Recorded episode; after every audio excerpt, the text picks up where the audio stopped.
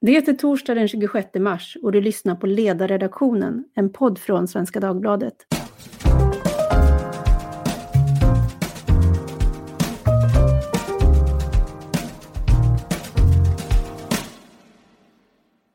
Jag heter Tove Livendal och idag ska vi tala om avvägningen av åtgärder för att rädda ekonomin och jobben mitt i coronakrisen.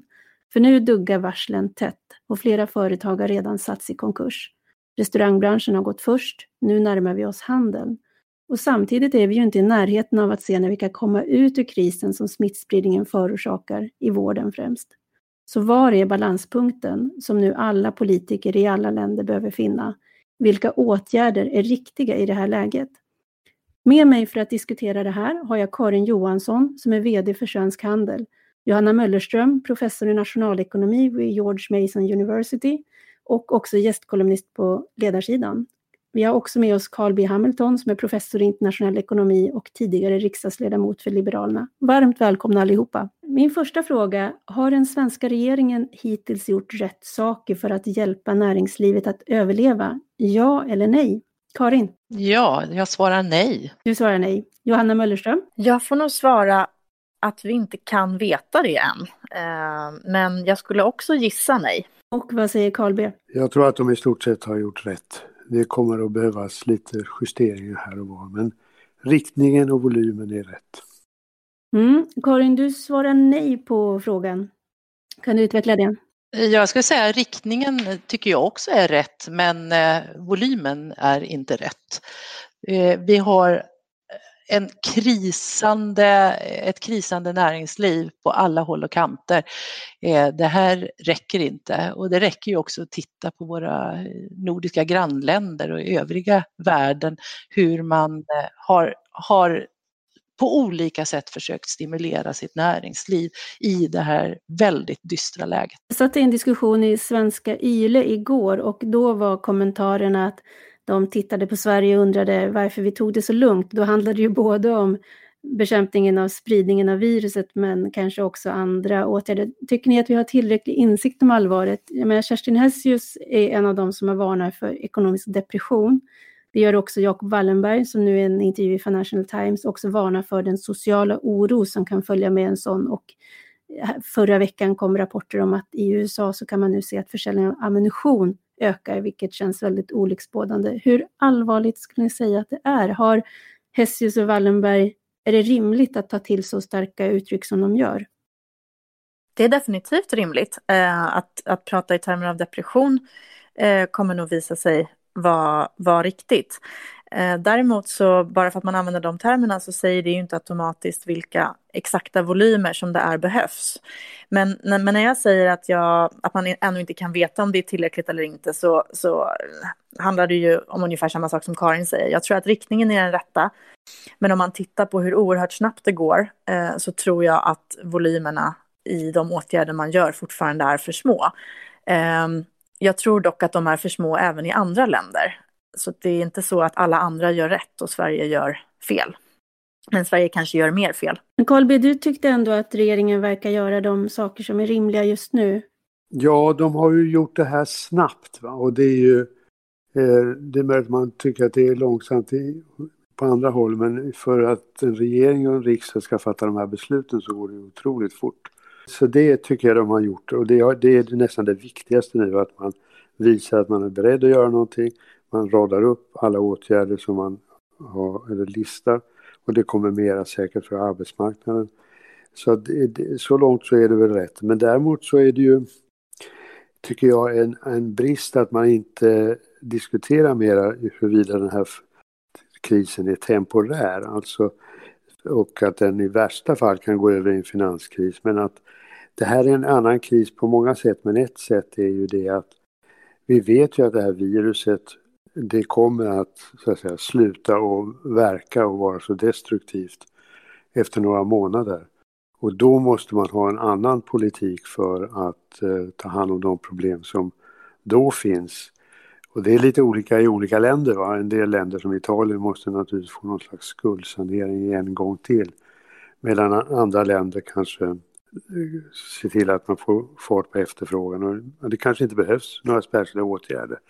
Så att jag tycker att eh, eh, det här att bara säga att man gör mer i andra länder, det, vi är inte precis likadana alla länder så det tycker jag är ett dåligt argument. Och sen kommer man till den här frågan, vems pengar ska vi ta? Och på kort sikt så spelar det inte så stor roll. Därför det gäller då att se till att de resurser som finns i landet, att de kommer till användning. Eh, men på längre sikt så är det naturligtvis en konkurrens om resurser. Ja, för att när man talar om ekonomisk stimulans så är det klart att det, de pengar som man använder för det, de har ju en alternativanvändning och jag tänker på när man talar med sjukvårdens företrädare så är det klart att de utifrån sitt perspektiv tycker att det ska vara överordnat allting annat. Men om man stänger ner samhället ett antal månader så kommer det vara lite pengar kvar till sjukvården också. Ja, jag tror det, om jag får fortsätta då, om jag, jag tror du har rätt där, alltså det är ganska väl formulerat som du sa. Att eh, eh det är ju en etisk fråga eller en politisk fråga, hur mycket ska man lägga på att eh, på sjukvård och äldreomsorg och sådana saker, att det funkar.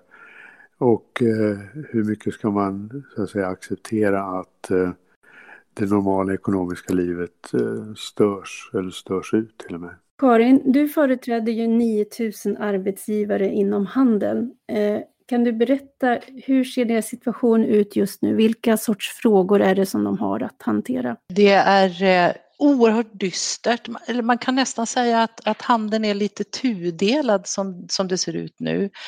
Handeln med mat eh, går ganska bra eh, på de allra flesta ställena. Det finns delar av det vi kallar för dagligvaruhandeln som också har det tufft, som är helt nedstängt. Exempelvis gränshandeln mot Norge. Men, men överlag så handlar vi ju eh, mat istället för att gå ut på restauranger och, och det, det gör ju att den delen av handeln har det, har det hyfsat bra. Eh, men det vi kallar för sällanköpshandel, det vill säga allt annat än mat, de har det ju riktigt, riktigt dystert just nu. Eh, våra undersökningar bland våra medlemsföretag säger ju att, att eh, de, eh, speciellt här inne i, i Stockholms innerstad så är det ju så att man tappar upp mot 90 procent av sin försäljning.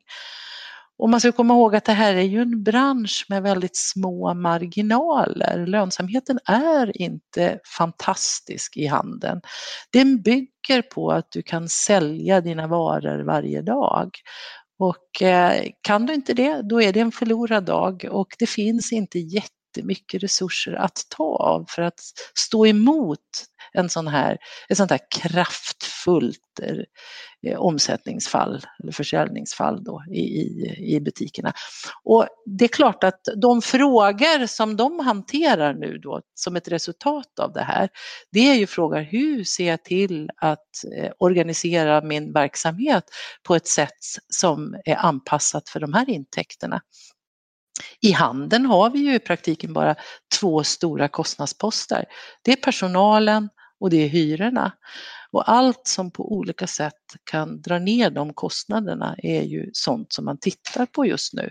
Och det är klart att, att eh, eh, eh, eh när det gäller de här korttidspermitteringarna för att slippa säga upp sin personal så är ju det en jättebra åtgärd men den är ju inte så effektiv i vår bransch även om många ändå använder den.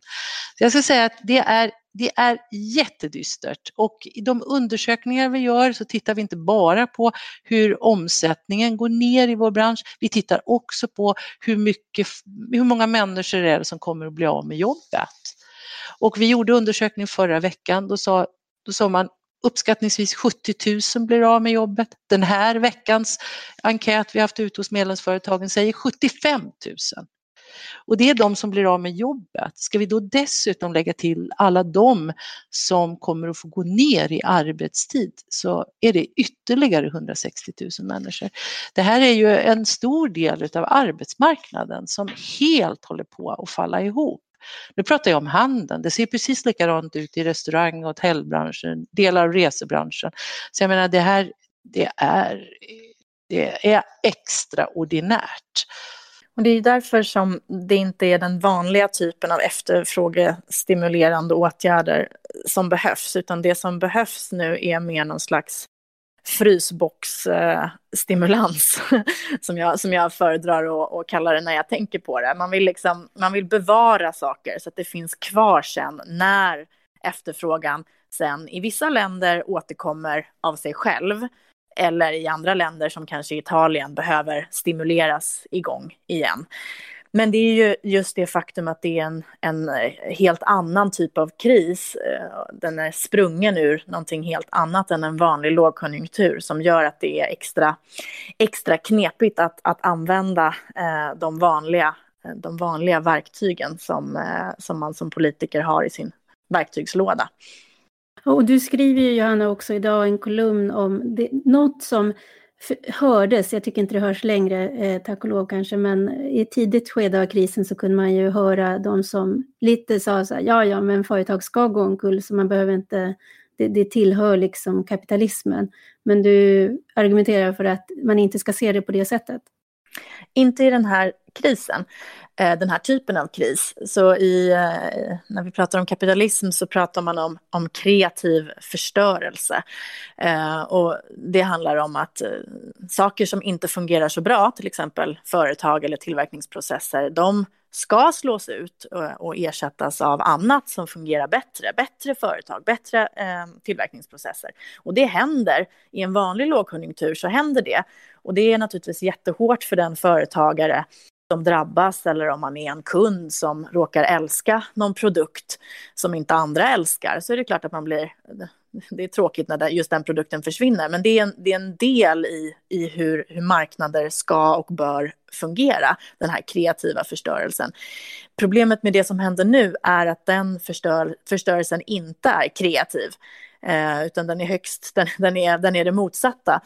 Och anledningen till det är ju att de företag som slås ut nu, de restauranger som slår ut, slås ut och så vidare, de slås inte ut därför att de är dåliga och därför att efterfrågan inte finns där normalt, därför att de har dåliga produkter, därför att det finns bättre alternativ. Det är ingenting av det som händer. Utan det som, det som pågår är istället, är istället att världen har blivit temporärt eh, galen eller helt annorlunda än vad den brukar vara. Så att de företag som, som slås ut nu, de skulle förmodligen klara sig utmärkt under normala för, förutsättningar. Och därför så vill vi ju att de ska finnas kvar sen när förutsättningarna återvänder eftersom vi ju, som, som eh, väl Karl påpekade i början, vi vet att det här trots allt är temporärt. Vi vet tyvärr inte hur lång tid det kommer ta, men vi vet att det är temporärt. Mm.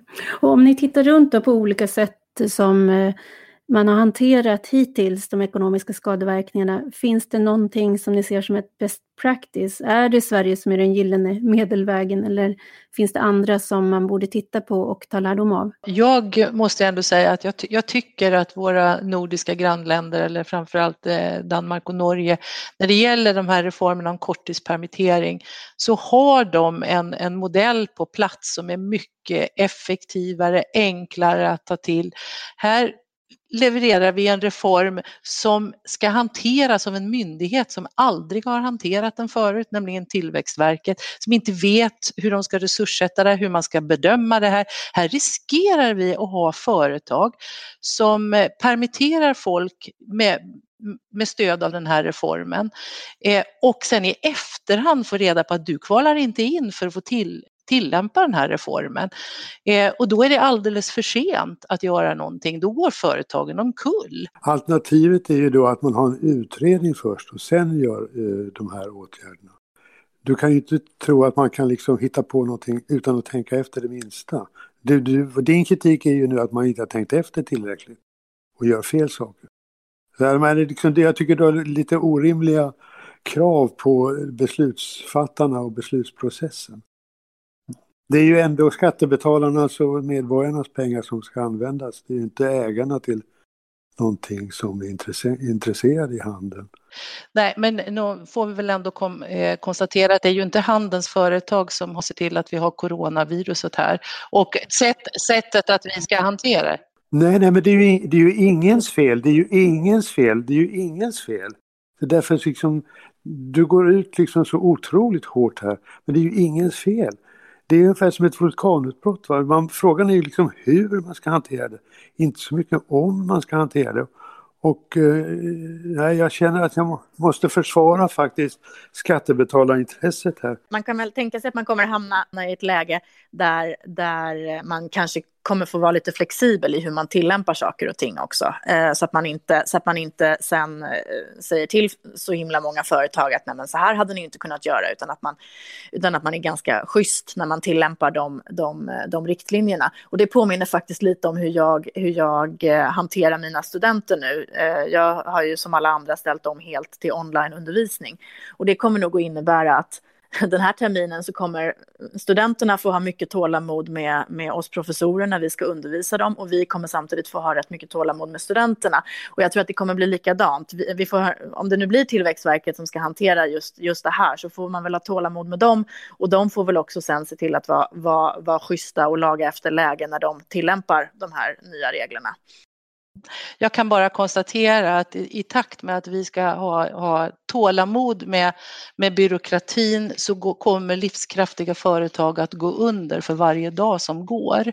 Eh, och jag, jag eh, jag är inte ute efter att, att vara dum och eh, elak på något sätt, men jag kan bara konstatera att desperationen lyser i ögonen på både stor och liten i, i handeln idag.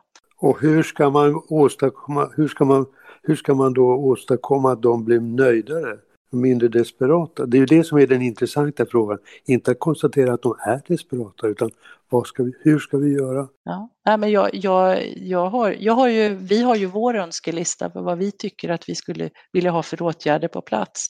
Jag, jag pekar bara på det, på utmaningarna i de reformer och de eh, åtgärder som regeringen hittills har levererat.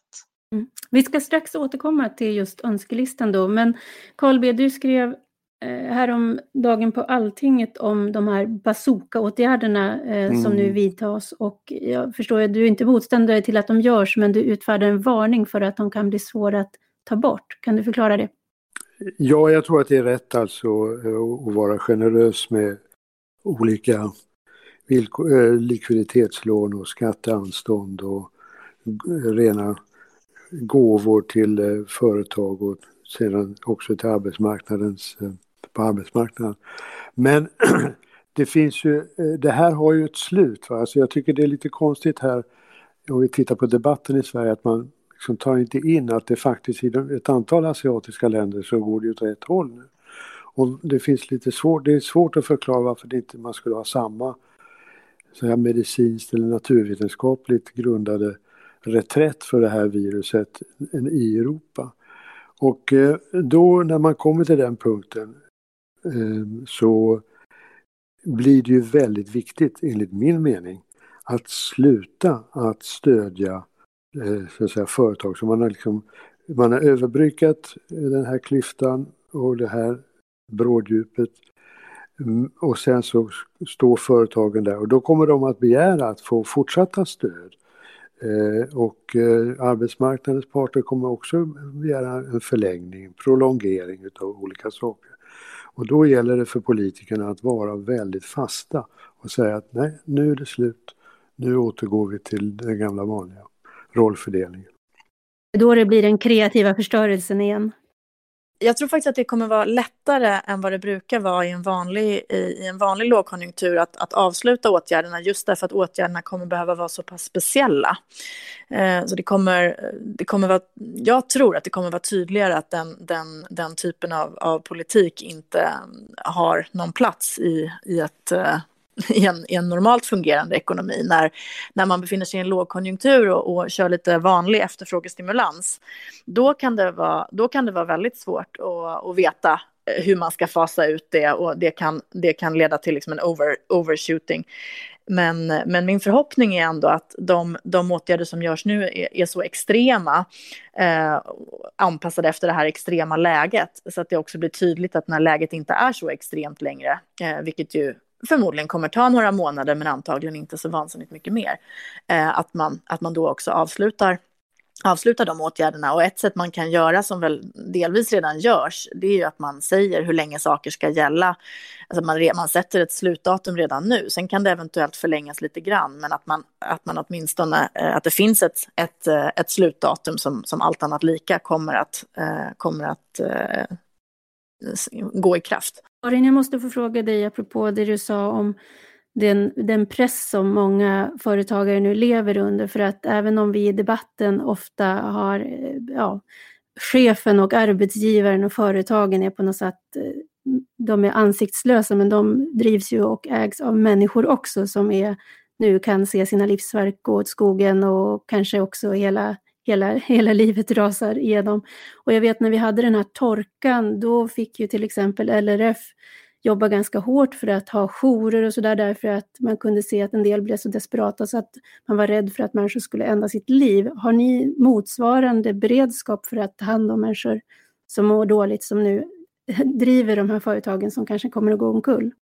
Ja, vi, vi, har ju något som vi kallar för jouren här hos oss, alltså det är en arbetsrättslig jour eh, och den tenderar ju bli mer av eh, jourhavande medmänniska. Det är naturligtvis enormt många som ser sina, precis som du uttrycker det Tove, livskraftiga eller sina livsverk gå omkull.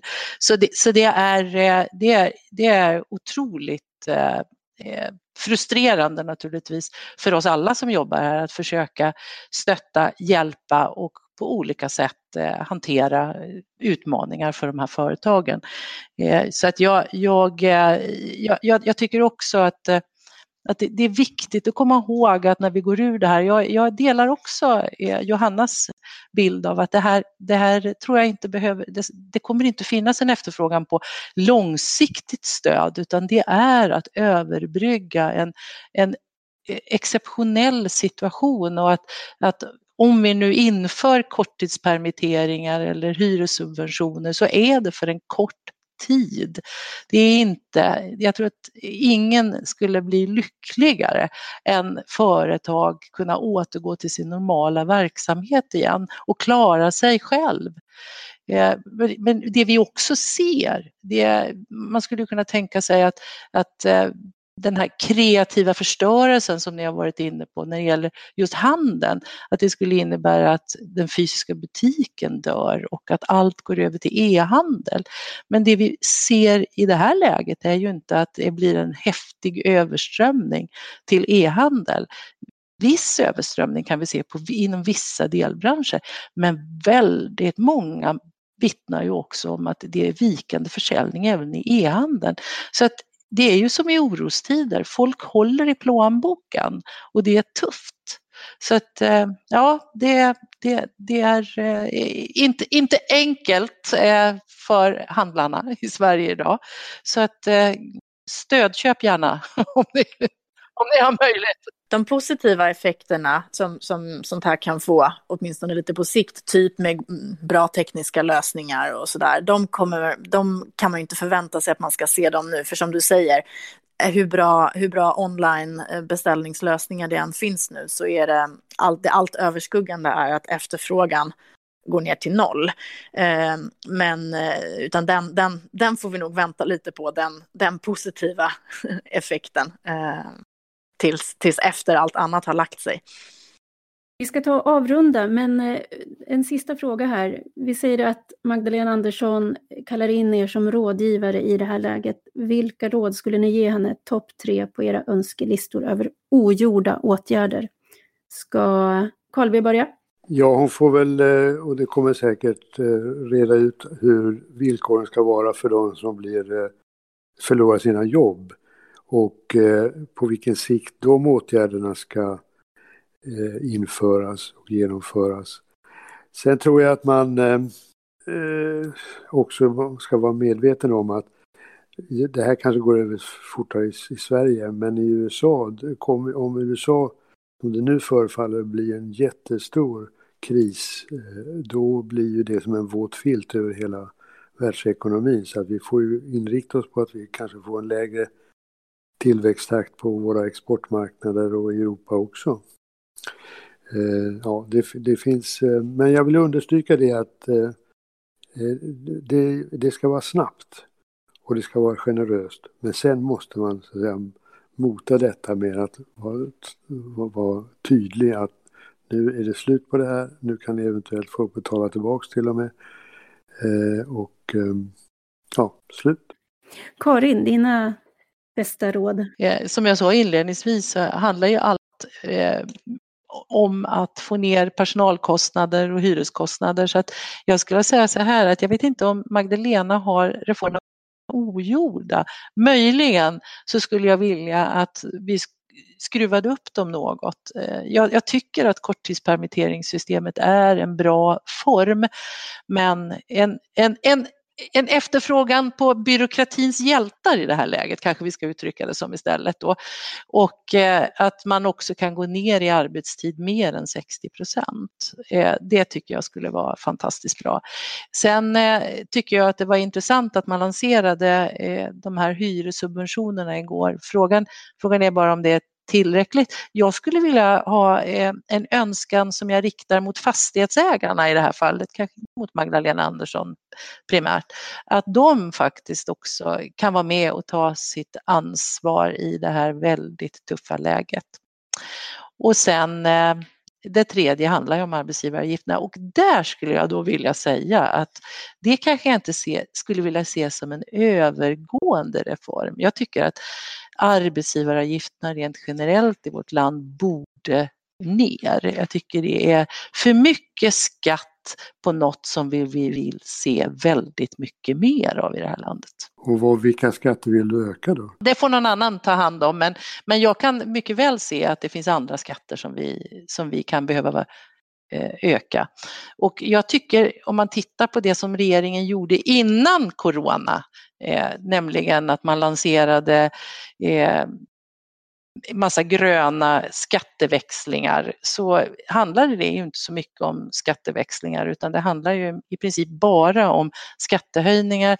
Det var ytterst lite justeringar av arbetsgivaravgifterna men samtidigt så är det sko och textilskatt, det är elektronikskatt, det är plastbärkasseskatt, bara för att nämna några. Det finns att göra alltså. Johanna, vad säger du? Vad är dina råd? Relativt likt eh, Karins. Eh, definitivt kort, på kort sikt och, eh, och eh, med tydligt slutdatum eh, slopa arbetsgivaravgiften, kraftiga hyressubventioner och se till att extremt flexibla permitteringsmöjligheter kommer på plats. Stort tack för det. Karin Johansson, VD för Svensk Handel, Johanna Möllerström, professor i nationalekonomi vid George Mason University och Carl B Hamilton som är professor i internationell ekonomi Stort tack för att ni var med oss idag och diskuterade detta.